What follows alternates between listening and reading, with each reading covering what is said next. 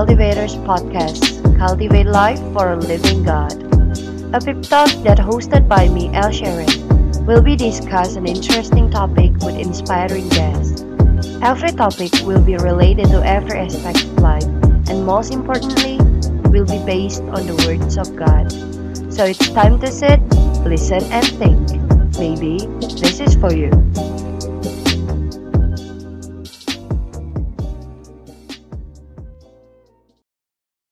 Hi guys, welcome back to Pip Talk and with me El Sharon as your host today. Dan seperti biasa seperti di Pip Talk Pip Talk tah tah Pip Talk sebelumnya gue nggak sendirian. Hari ini gue ditemenin sama seorang cici cantik. Asik. Tuh udah kedengeran kan suaranya? Gue sama Mudita hari ini. Yeay, halo. Yeay, halo. Apa kabar Mud Baik. lagi sibuk apa nih? Lagi sibuk kerja. apa sih di bagian apa sekarang Sekarang dipindahin ke marketing nih. hmm, Dari dulunya sebelumnya tuh gue pegangnya back office. oh sekarang Uh, jadinya sekarang dipindahin jadi marketing karena lagi butuh banget marketing. Oh, mereka emang kalau ngerjain kayak gitu sesuai kebutuhan aja ya? Eh, karena emang sekarang kan bank udah mau jadi digital bank ya semuanya kan mau diganti Hmm. ke mesin saat yang susah diganti ke mesin kan soal relationship ke nasabah kan Iya. jadi sekarang lebih banyak dibutuhin tuh marketing dibanding kerjaan operasional biasa yang bisa diganti sama mesin gitu Kerja apa kantor di mana sih? di BCA BCA daerah? eh, Jakarta Selatan anak Jaksel ya ya? anak Jaksel, anak gaul Jaksel. Gue juga kok. Gue anak, kupu-kupu eh bukan kupu-kupu kalau kupu kan kuliah pulang ya Iya. ini Lu kepu-kepu. Kepu-kepu. Eh, maaf Bu, ini mati.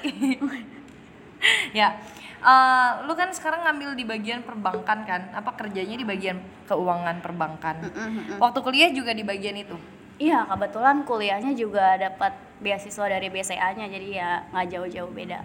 Oh, boleh ceritain nggak dulu kayak gimana kayak kenapa lo ngambil BCA, prosesnya apa aja gitu? Hmm, sebetulnya ceritanya itu panjang banget dari eh, zaman sekolah, zaman SMK. Hmm. Dulu tuh gua kan gue kuliah di eh, di bidang akuntansi ya. Padahal Iya. dulu dari SMP gue tuh bego banget sama yang namanya akuntansi. Bener-bener Iya. sebego itu. Kayak apa sih debit kredit? Kayak apa sih nih akun-akun kas pada piutang, kas pada pendapatan kayak aneh banget, gak make sense banget Iya. kan. Apa sih debit kredit? Sedangkan gue kalau misal belajar tuh mesti pakai logika gitu loh. Kenapa bisa kayak gini? Kenapa bisa kayak gini? Sedangkan kalau akuntansi itu setengah logika, setengah terima jadi aja ngapal aja gitu Iya. debit kredit tuh bener-bener nggak bisa dilogikain gitu terus bener-bener nggak sesuka itu jadi nilai gue waktu SMP tuh eh, akuntansi tuh jelek banget jadi SMP udah ada pelajaran akuntansi? pembukuan sih namanya Oh. tapi itu nggak beda jauh sama akuntansi Oh iya iya. Sangat, iya. eh, sederhananya lah ya Oh iya, jasa pembukuan bukan sih? Iya, jasa kan? pembukuan, Iya. Gua bener, gua ada, gua ada. Oh iya Terus. Iya itu susah banget kayak ini pelajaran apaan sih? Jadi kayak aduh nggak mau deh SMA, mendingan gua ambil IPA atau Hmm. IPS gua nggak mau lagi deh, nggak mau yang berhubungan sama akuntansi akuntansi nggak jelas gitu. Tadinya pilih mau SMA atau SMK. Iya. Terus kalau SMA kerja eh, kuliahnya eh, teori banget kan, belajar Hmm. IPA, kimia, fisika gitu. IPS ngafal-ngafalan, maksudnya bener-bener teori banget gitu. Iya, iya. Terus kayaknya lebih menyenangkan SMK nih. Kalau SMK ada sambil kerjanya juga. Hmm. Jadi kayaknya lebih enak ke- sekolah sambil ada kerjanya dikit kayak ngerasain kerja tuh gimana Iya. sih. Nah, awalnya tuh mau ngambil SMK pariwisata Hmm. karena demen aja gitu oh nanti kerjanya bakal jadi tour guide nih jalan-jalan mumpung kan aji mumpung jalan-jalan gratis Iya. keliling dunia gitu kan tapi ternyata kuliah pariwisata itu gak semurah yang dikira Oh, iya ini soalnya- kuliahnya. eh kuliahnya eh, SMK-nya, sekolahnya SMK oh, iya. SMK pariwisata itu nggak semurah sekolah biasa Ya. karena untuk jalan-jalan kan dia ada prakteknya kan kalau SMK kan. Hmm. Nah untuk prak untuk prakteknya jalan-jalan ke daerah tuh pakai uang sendiri. Oh, Mm-mm. gitu. Dan saat itu emang ekonomi keluarga nggak mencukupi. Hmm. Padahal kalau didukung sih eh, orang tua dukung banget terserah mau ambil apa gitu Hmm. kan. Tapi ternyata nggak ngedukung. Terus bingung nih mau eh, sekolahnya ambil jurusan apa. Ya. Eh ternyata di dekat rumah ada SMK nih. Hmm. Sebut aja lah ya. Ya, SMK apa-apa. Strada. Iya. Damos Nah, ya? Damos, Damos. iya. Sudah soalnya keluarganya papi gua itu dari adeknya ada yang udah sekolah di Damos. Jadi kayak udah Strada tuh udah kayak sekolah keluarga. keluarga, iya benar. Iya benar. Coba aja di Damos ada jurusannya tiga, Hmm. ada administrasi perkantoran, akuntansi, sama animasi. Hmm. Oh animasi enggak deh nggak bisa gambar. Terus Hmm. kalau tadi mau administrasi perkantoran karena kan awalnya kan nggak mau akuntansi kan, Iya, pokoknya apa pun yang terjadi nggak iya. mau akuntansi. Terus akhirnya pengen administrasi perkantoran ah nanti kuliahnya sekretaris Hmm. terus akademi sekretari gitu kan kayaknya enak nih jadi sekretaris kerja cuma ngetik-ngetik Iya. doang gitu kan paling bikin surat terus nemenin bos jalan-jalan aji mumpung Iya, lagi itu kan enak, Iya benar. terus ya siapa tahu kepincut sama bosnya kan lumayan Tetap ya cewek mah tetap. cewek ya nggak muna lah nggak Iya. muna dulu pernah mikir kayak gitu tapi setelah dipikir-pikir lagi kalau misalnya sekretaris karir lu mentok di situ aja Hmm, nggak ada jenjangnya. nggak ada ya? jenjangnya udah paling jadi orang kepercayaan bos udah sampai situ aja Ya. cuman sek- eh, sekedar asistennya bos Mm-mm. gitu walaupun kerjanya bareng bos tapi karir lu cuma sampai situ doang jadi banyak orang yang saranin buat ambil akuntansi Iya. dipikirin dipikirin ya udah deh setelah banyak yang orang banyak orang yang bilang dulu gue juga nggak bisa akuntansi. Tapi sekarang gue bisa-bisa aja tuh apalagi nanti di S- eh, SMK kan lu belajarnya pasti dari awal lagi Iya. dan bener-bener fokus ke sana nggak mikirin pelajaran lain juga. Pikirin pelajaran lain juga sih tapi fokus ke akuntansi Iya. juga kan. Ya udah akhirnya dengan berat hati mengambil akuntansi. Udah ambil akuntansi dan puji Tuhannya emang udah rencana Tuhan kali ya Iya. gue dapet guru yang enak ngajarinnya Oh. waktu sekolah gurunya udah tua emang udah sepuh di sekolah itulah bahkan tante gue kayak diajarin sama tuh guru dulu Hmm. terus em, diajarin sama dia mulai ngerti mulai ngerti mulai ngerti sampai suka bayangin Itu prosesnya berapa lama? Dari kelas berapa ke kelas berapa lu ngerasa kayak ih kayaknya gue demen nih nih pelajaran gitu. dari kelas 1 Oh, jadi lu nggak lama diajarin? nggak lama diajarin, nggak lama diajarin, udah tahu oh ternyata gini doang toh akuntansi. Oh, Aduh kan gitu. doang, doang ternyata ya. gini toh inti pelajarannya tuh gini loh, lu catet pengeluaran, pemasukan, terus Hmm. lu hitung labanya, lu bisa dapat laba berapa.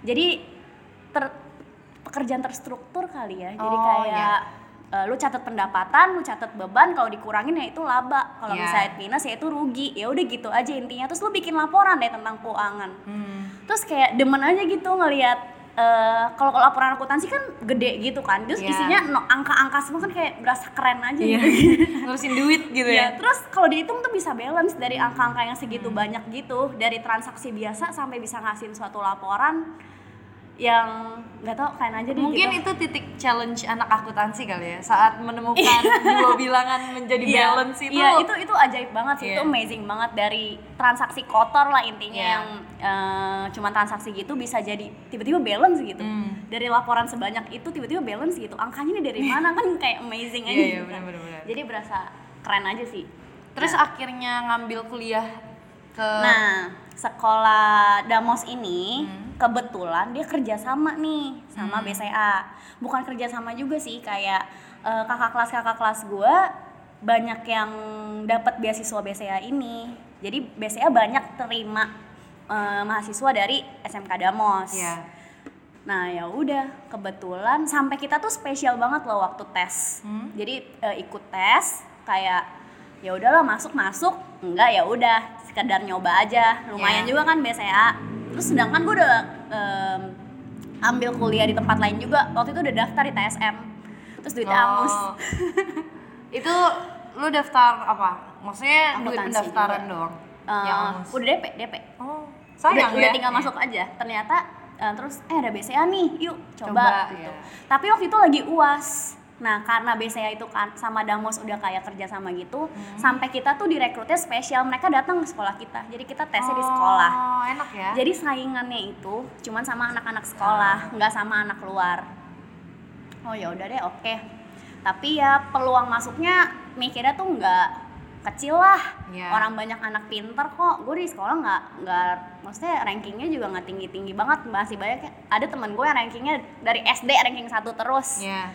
Tapi mungkin di jalan Tuhan lagi ya dari ratusan orang yang ikut cuman disaring dapat 20 orang Itu dan dari seluruh Damos. Eh, maksud gue dari dari semua satu sekolah satu iya, so- semua iya. anak Damos itu. iya semua anak damos Eh, cuman diambil 20 orang dan itu udah termasuk PPA sama PPTI loh akuntansi sama IT-nya yang Iya. BCA digabung pokoknya diterimanya cuma 20 orang dan nama gue udah di salah satu 20 orang itu Hmm. Iya. sedangkan temen gue yang ranking satu dari SD itu Nggak masuk. dia nggak masuk jadi kayak ya ampun ini tuh dari berkat dari mana lagi oh mungkin ya udah mungkin udah jalan Tuhan kali gue maaf emang kerja di bidang akuntansi Iya. terus kerjanya emang harus di bank Dan akhirnya lu sekarang bisa kerja di BCA kan? Iya. Itu kerja udah berapa lama? sekarang udah jalan tiga tiga, tahun, Ha-ha. Itu dari selesai kuliah kan? iya. Dari selesai kuliah. dari Nah, saya kuliah. eh, selama kayak biasa kan orang gini, lo kuliah di keuangan kan di bagian akuntansi, mau nggak mau, eh, bukan mau nggak mau tapi kayak pasti orang-orang banyak mempercayakan lo di posisi di situ juga, di misalnya di satu organisasi atau di satu komunitas, contohnya di youth misalnya, lo pernah megang duit kas, Iya, pernah. doang kan, terus udah gitu eh, acara yang besar, yang victoristic, acara conference itu juga lo yang megang, Mm-mm. ya kan? Mm-mm. Eh, kalau untuk lu nya pribadi nih Mm-mm. ngatur prinsip ngatur keuangan tuh gimana? Khususnya uang orang nih yang lu atur. Ada gak? Prinsip ya? Iya. Eh, apa ya? Supaya kayak misalnya karena kan orang kalau misalnya disuruh ngatur keuangan atau megang duit kan pasti nggak mau dong cenderung nggak mau karena mereka tahu aduh ini duit bisa gua pakai atau mungkin gue bisa kecampur sama duit lain kayak gitu. Kalau lu sendiri gimana? Eh, kalau gue sendiri pokoknya dipisah. Hmm. Pisah antara duit gua rekening gua sama rekening yang emang buat gereja. Iya. Emang buat acara atau event tuh benar-benar harus dipisah hmm. Terus kayak ya prinsip takut sebenarnya takut akan Tuhan sih. Ini kan duit gereja duitnya Tuhan. Iya. gue megang duitnya Tuhan nih gue nggak boleh macam-macam nih. Jangan sampai gue fraud jangan sampai jangan sampai gue kayak tergoda untuk ngambil. Mungkin ada satu hal kadang-kadang kan kalau megang duit kas kan pegang cash kan. Mm-mm. sedangkan gue sendiri pribadi gue yang jarang pegang cash. Jadi kadang-kadang kalau butuh cash ngambil dari ngambil situ, dari iya. situ. Tapi harus cepet-cepet dibalikin hari itu juga Hmm. jangan sampai diulur ke hari-hari lain ntar keburu lupa jadi nggak kecatet Hmm, mateng lah iya bener-bener. ganti Jadi berantakan. jadi berantakan Iya. terus, ya pencatatannya juga harus jelas sih jadi jelas ini duit dari mana ini duit dari mana ini du- duit dari mana Hmm. Tapi pokoknya pernah, jangan sampai kecampur sama keuangan pribadi aja gitu pernah nggak kayak ngerasa terintimidasi sendiri kayak misalnya, aduh gila, ini duit jumlahnya gede nih, takut nih gue, kayak gitu pernah gak? pernah sih pernah takut Terus kayak takut gimana? kepake takut hilang Hmm. karena kan kadang-kadang megang eh, cash juga kan Iya. tapi ya balik lagi ke tad- ke yang tadi ini duit Tuhan gue nggak boleh apa-apain nih Nah jadi prinsipnya tetap berpegang kepada, yaitu ini duit Tuhan, Iya, gue nggak boleh macam-macam. nggak boleh macam-macam Oke. ini ada CCTV 24 jam nih kayak yang ngeliat yang gitu, ngeliat yang bisa gitu, nyatet ya. semua income-nya.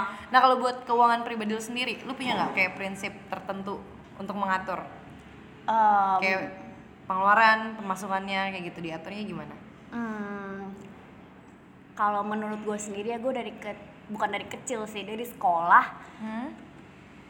gue emang orang yang hemat sih nggak tahu hemat gak tau kikir ya pokoknya gue mau gue punya tabungan banyak Hmm. di saat teman-teman gue mungkin kesulitan duit pokoknya gue Lu aman gitu aman ya? gitu ya yang penting kalau gue kalau gue punya tabungan gue merasa safe Hmm. kayak sewaktu-waktu gue butuh duit dan orang tua gue nggak bisa kasih gue bis gue ada simpenan nih duit gue sendiri Iya. jadi safe aja gitu kan terus em, jadi sampai ke bawah sampai sekarang juga jadi dari gaji gua pokoknya dari awal gajian itu gue harus pisahin ke rekening yang lain Oh jadi eh, ini berlangsung dari kapan? Kalau yang punya rekening? punya rekening eh, semenjak gua masuk BCA berarti Oh. dari kuliah kan harus punya rekening BCA kan Iya karena uang saku semua ditransfer ke situ. Iya. Nah, gue bikin rekening lain namanya tabunganku. Eh, promosi Oh, ya. promosi. BCA telah dibayar ya podcast ini.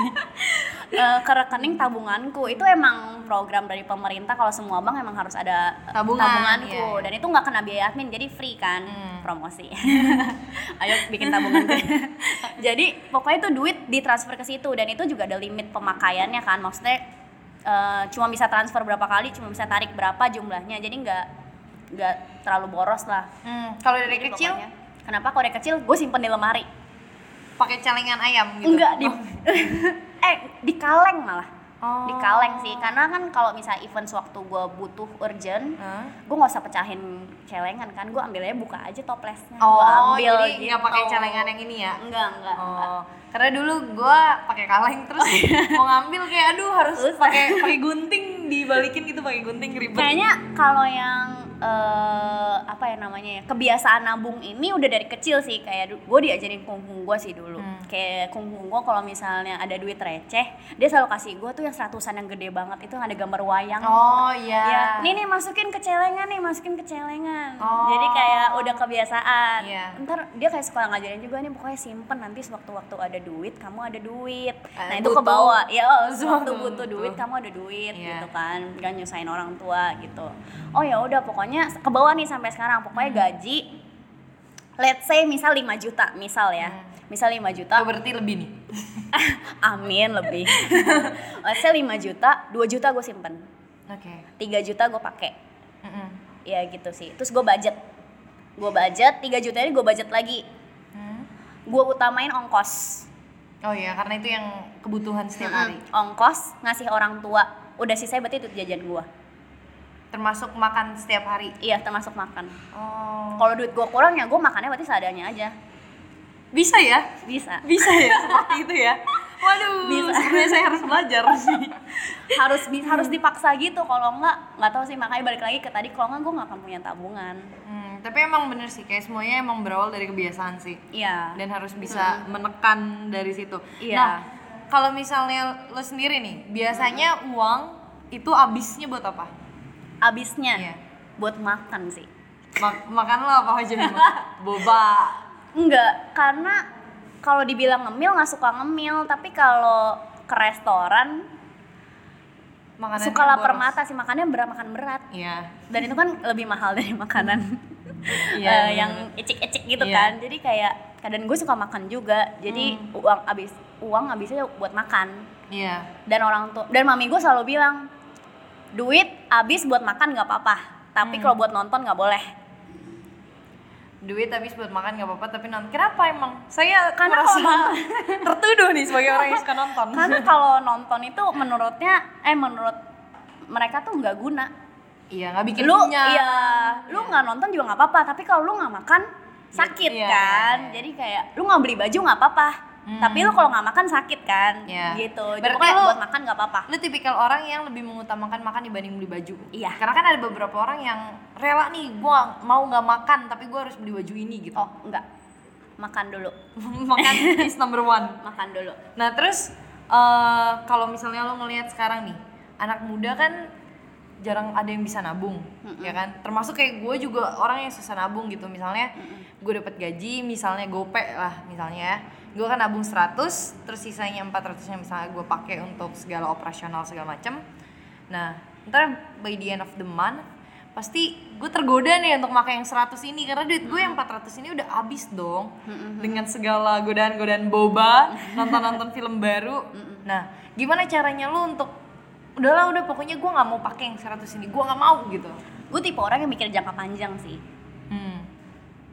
gue mendingan susah sekarang daripada gue susah nanti gitu loh. Oke. lu kalau misalnya duit lu 500 lu tabung 100 400 lu pakai nih terus abis terus 100 nya lu ambil lu pakai juga abis lu jadi nggak punya apa-apa kan? Iya. Jadi mendingan 100 lu ada tapi itu safe buat masa depan lu lu pakai 400 ini lu teken. Iya. lu cuma boleh pakai 400 aja terus mikir lagi ini wants atau need oh itu yang harus itu lagi. itu ya? want itu Iya. ini yang paling penting banget sih. Ini kalau mau sama beli eh, ini butuh atau pengen ya? Iya. Kalau misalnya ini butuh ya udah beli. Hmm. mau nggak mau kan itu butuh. Tapi kalau misalnya ini pengen ah nanti nanti aja deh. Kalau gue sih kayak gitu ah nanti nanti aja deh belum terlalu butuh. Takut ini lapar mata doang. Iya. entar ujungnya gue nggak pakai gitu. Jadi emang perlu banget mempertimbangkan antara eh maksudnya untuk mengatur keuangan penting banget untuk mempertimbangkan kebutuhan dan keinginan. keinginan sama halnya makanan juga sih sebetulnya Hmm. Em, ini wants atau needs ya atau lapar mata doang ya Iya. lapar gak ya kalau misalnya gua nggak makan ini nggak apa-apa nggak ya Hmm. gue masih bisa tahan lapar maksudnya sampai gue tersiksa banget gak sih kalau gue nggak makan Iya. gitu loh kayak contohnya deh sal- salah satunya boba deh boba Ya.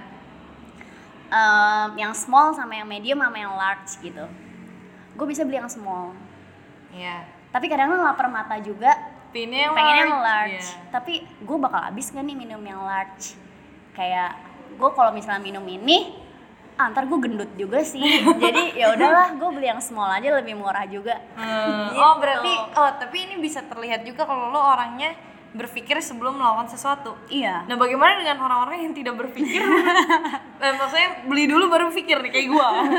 Beli boba, ah mau yang large ah, udah selesai. Kenapa gua Iya. beli yang ini ya kan lebih mahal. itu balik lagi ke pribadi orang-orangnya sih ya Hmm. susah juga karena kita nggak bisa ngatur orang kan untuk jadi sama seperti kita gitu Iya. itu balik lagi kesadaran diri masing-masing yang tadi balik lagi gue kan kalau gue mikirnya jangka panjang gitu loh Iya. jadi sedikit apa pun itu berharga maksudnya gue harus pikirin gitu Wah, karena dampaknya kan ke detail. depan Iya, iya. Tapi menurut lo hal apa yang paling penting? Emang bukan bukan. Eh, menurut lo seorang anak muda tuh penting nggak buat nabung? penting banget Kenapa? selagi kita masih muda Hmm. nabung buat masa depan kita kan gue kadang-kadang mikir kejauhan ya Iya. buat masa tua buat nikah Hmm. buat ya nabung-nabung aja lah biar kita punya duit Ke depannya gitu. ke depannya ya Nah, kan lu kita nggak tahu ke depannya apa yang terjadi Lo kan pribadi udah nabung buat ke depan apa aja? Aduh. Nikahan udah. Nikah sih gua, ada sih tabungan bareng dia tapi itu Dia- masih ini belum siapa nih? dikhususkan Shout out to Ah, siapa ya yang ngerasa aja deh Depannya F, belakangnya Rans. Frans. aduh nama kamu disebut aduh ya ada sih tabungan tapi itu belum mungkin belum dikhususkan buat nikah tapi ya seenggaknya ada dulu Hmm. Tabungan berdua Ha, gitu. ha. Terus? ada tabungan itu itu terpisah lagi ya Mm-mm. itu terpisah terus ada tabungan ya buat gue pribadi Iya. yang suatu saat gue butuh Hmm, ada gak dana pakai. dana urgent kayak misalnya lo tiba-tiba Sebetulnya- dana dana beku yang katanya gak boleh lu pakai kecuali lu masuk rumah sakit tiba-tiba atau lu kenapa-napa gitu tiba-tiba. Nah untuk itu sih belum ada ya, karena itu kan sebetulnya larinya lebih ke asuransi nih, dan gue lagi mikir kayak gue mau ambil asuransi Hmm. buat itu, gitu. Buat biaya Jadi masih perlu hitung-hitungan lagi nih, gue masih save berapa lagi buat asuransi. Oh gitu. Nah, um, tips deh buat anak-anak muda caranya untuk nabung. Caranya untuk nabung, sebetulnya supaya lebih duit terkontrol juga kali ya. Iya. Jadi setiap lo dapet uang saku atau lo dapet gaji, lu budgetin dulu nih Hmm. sebetulnya pengeluaran lu sebulan tuh buat apa aja dan berapa masih dan itu semua tuh perlu nggak sih lu Iya. bisa filterin nih oh kira-kira ini enggak oh kira-kira ini enggak kira-kira ini enggak nah sisanya lu tabung. Ya. Mm-mm. kalau kalau gua gua tuh pasin. Pokoknya yang tadi 5 juta. 2 juta gua tabung dulu apa pun yang terjadi. Nah Ya. 3 juta ini berarti gua pasin aja kebutuhan gua. Hmm. harus cukup gitu. Dari filter-filterin yang tadi ini cukup ini em, perlu gak ya? Ini perlu nggak ya? Ini perlu nggak ya? Utamain yang perlu dulu gitu. Ke- eh, wants-nya dulu needs Needs-nya needs-nya dulu, dulu, iya baru penuhi needs-nya dulu baru wants Oke. Berarti kalau ada sisa dari needs ya lu boleh pakai buat wants tapi kayak misalnya lu tabungan buat jajan eh buat main gitu ada nggak sih sebenarnya? tabungan buat main Iya. nggak ada Jadi yang udah 2 juta itu udah nggak bakal lu otak-atik. nggak kecuali kalau bener-bener ada yang butuh butuh banget gitu Oh iya, baru, Baru diambil dari uang Iya. tabungan. Terus apa lagi? Ada lagi gak tips lain? Apa ya udah itu konsisten sih Hmm. Mm-mm, konsisten aja kalau misalnya enggak ya enggak iya ya iya eh gimana ya ya gitu deh kalau pokok- pokoknya eh, konsisten jalanin want sama needs-nya tadi jangan kepengaruh sama orang Iya. Jadi be- sebenarnya tuh kayak belajar nabung itu belajar kita mengendalikan diri juga gak sih? iya betul Karena dari tiga, Iya. misalnya kita punya gaji 5 juta, 2 juta kita ambil, 3 juta kan mau nggak mau ya udah hidup seadanya Iya, gitu loh. seadanya. dan nggak semua orang bisa ngelakuin itu gitu kalau mendingan lu hura-hura nanti daripada lu hura-hura sekarang. Maksudnya ini kan masa muda kita masa produktif kita gitu iya kan. benar. Hmm. masa produktif kita buat cari duit gitu loh. Mendingan hura-huranya nanti. Pas udah tua? Iya. Nggak pas udah tua juga sih. Ntar udah nggak bisa apa-apa. Dituntun-tuntun ya buat ke depannya lah. Kan kita nggak tahu ke depannya gimana. Iya. Ya udah. Gitu teman-teman. Iya, Tadi udah dengerin kan gimana caranya nabung dan juga sebenarnya penting banget tadi kayak yang udah Mudita bilang, penting banget buat nabung supaya apa? Supaya hari tuanya tidak terbengkalai gitu ya. Betul. Karena kan kita nggak tahu ntar hari tuanya gimana gitu kan kita nggak tahu. Makanya ayo aku memotivasi kalian semua di Pip Talk ini untuk sama-sama kita menabung lewat tabunganku BCA. Shout out to BCA. Ye, BCA senantiasa di sisi anda. Ya udah thank you ya Mulita untuk waktunya. Ke depannya mau ada cara apa atau perencanaan apa? Ke depannya. Ya harapannya?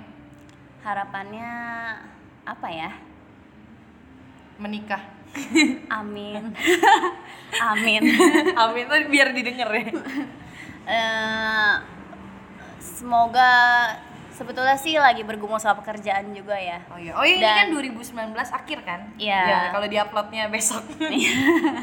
Kalau diupload Iya Senin ya Em, lagi bergumul sama pekerjaan juga karena ini pekerjaan baru jadi pengen cepet betah aja sih sama pekerjaan baru. oh iya semoga betah kalau gitu Amin. Ya udah. Nah, guys, yaudah segitu dulu Pip Talk dari kita dari aku dan Mudita hari ini. Jangan lupa dengerin Pip Talk kita di minggu depan di hari Senin. Terus di hari Rabu kita ada Bottom Line by Disa and Hasita. eh, yang bakal ngomongin tentang fakta-fakta dan juga relasinya dengan firman Tuhan. Dan yang hari Jumat bakal ada The Sisterhood bareng Chanel sama Anda yang bakal ngomongin tentang cewek. Makanya dengerin terus The Cultivators, Cultivate Life for Living God.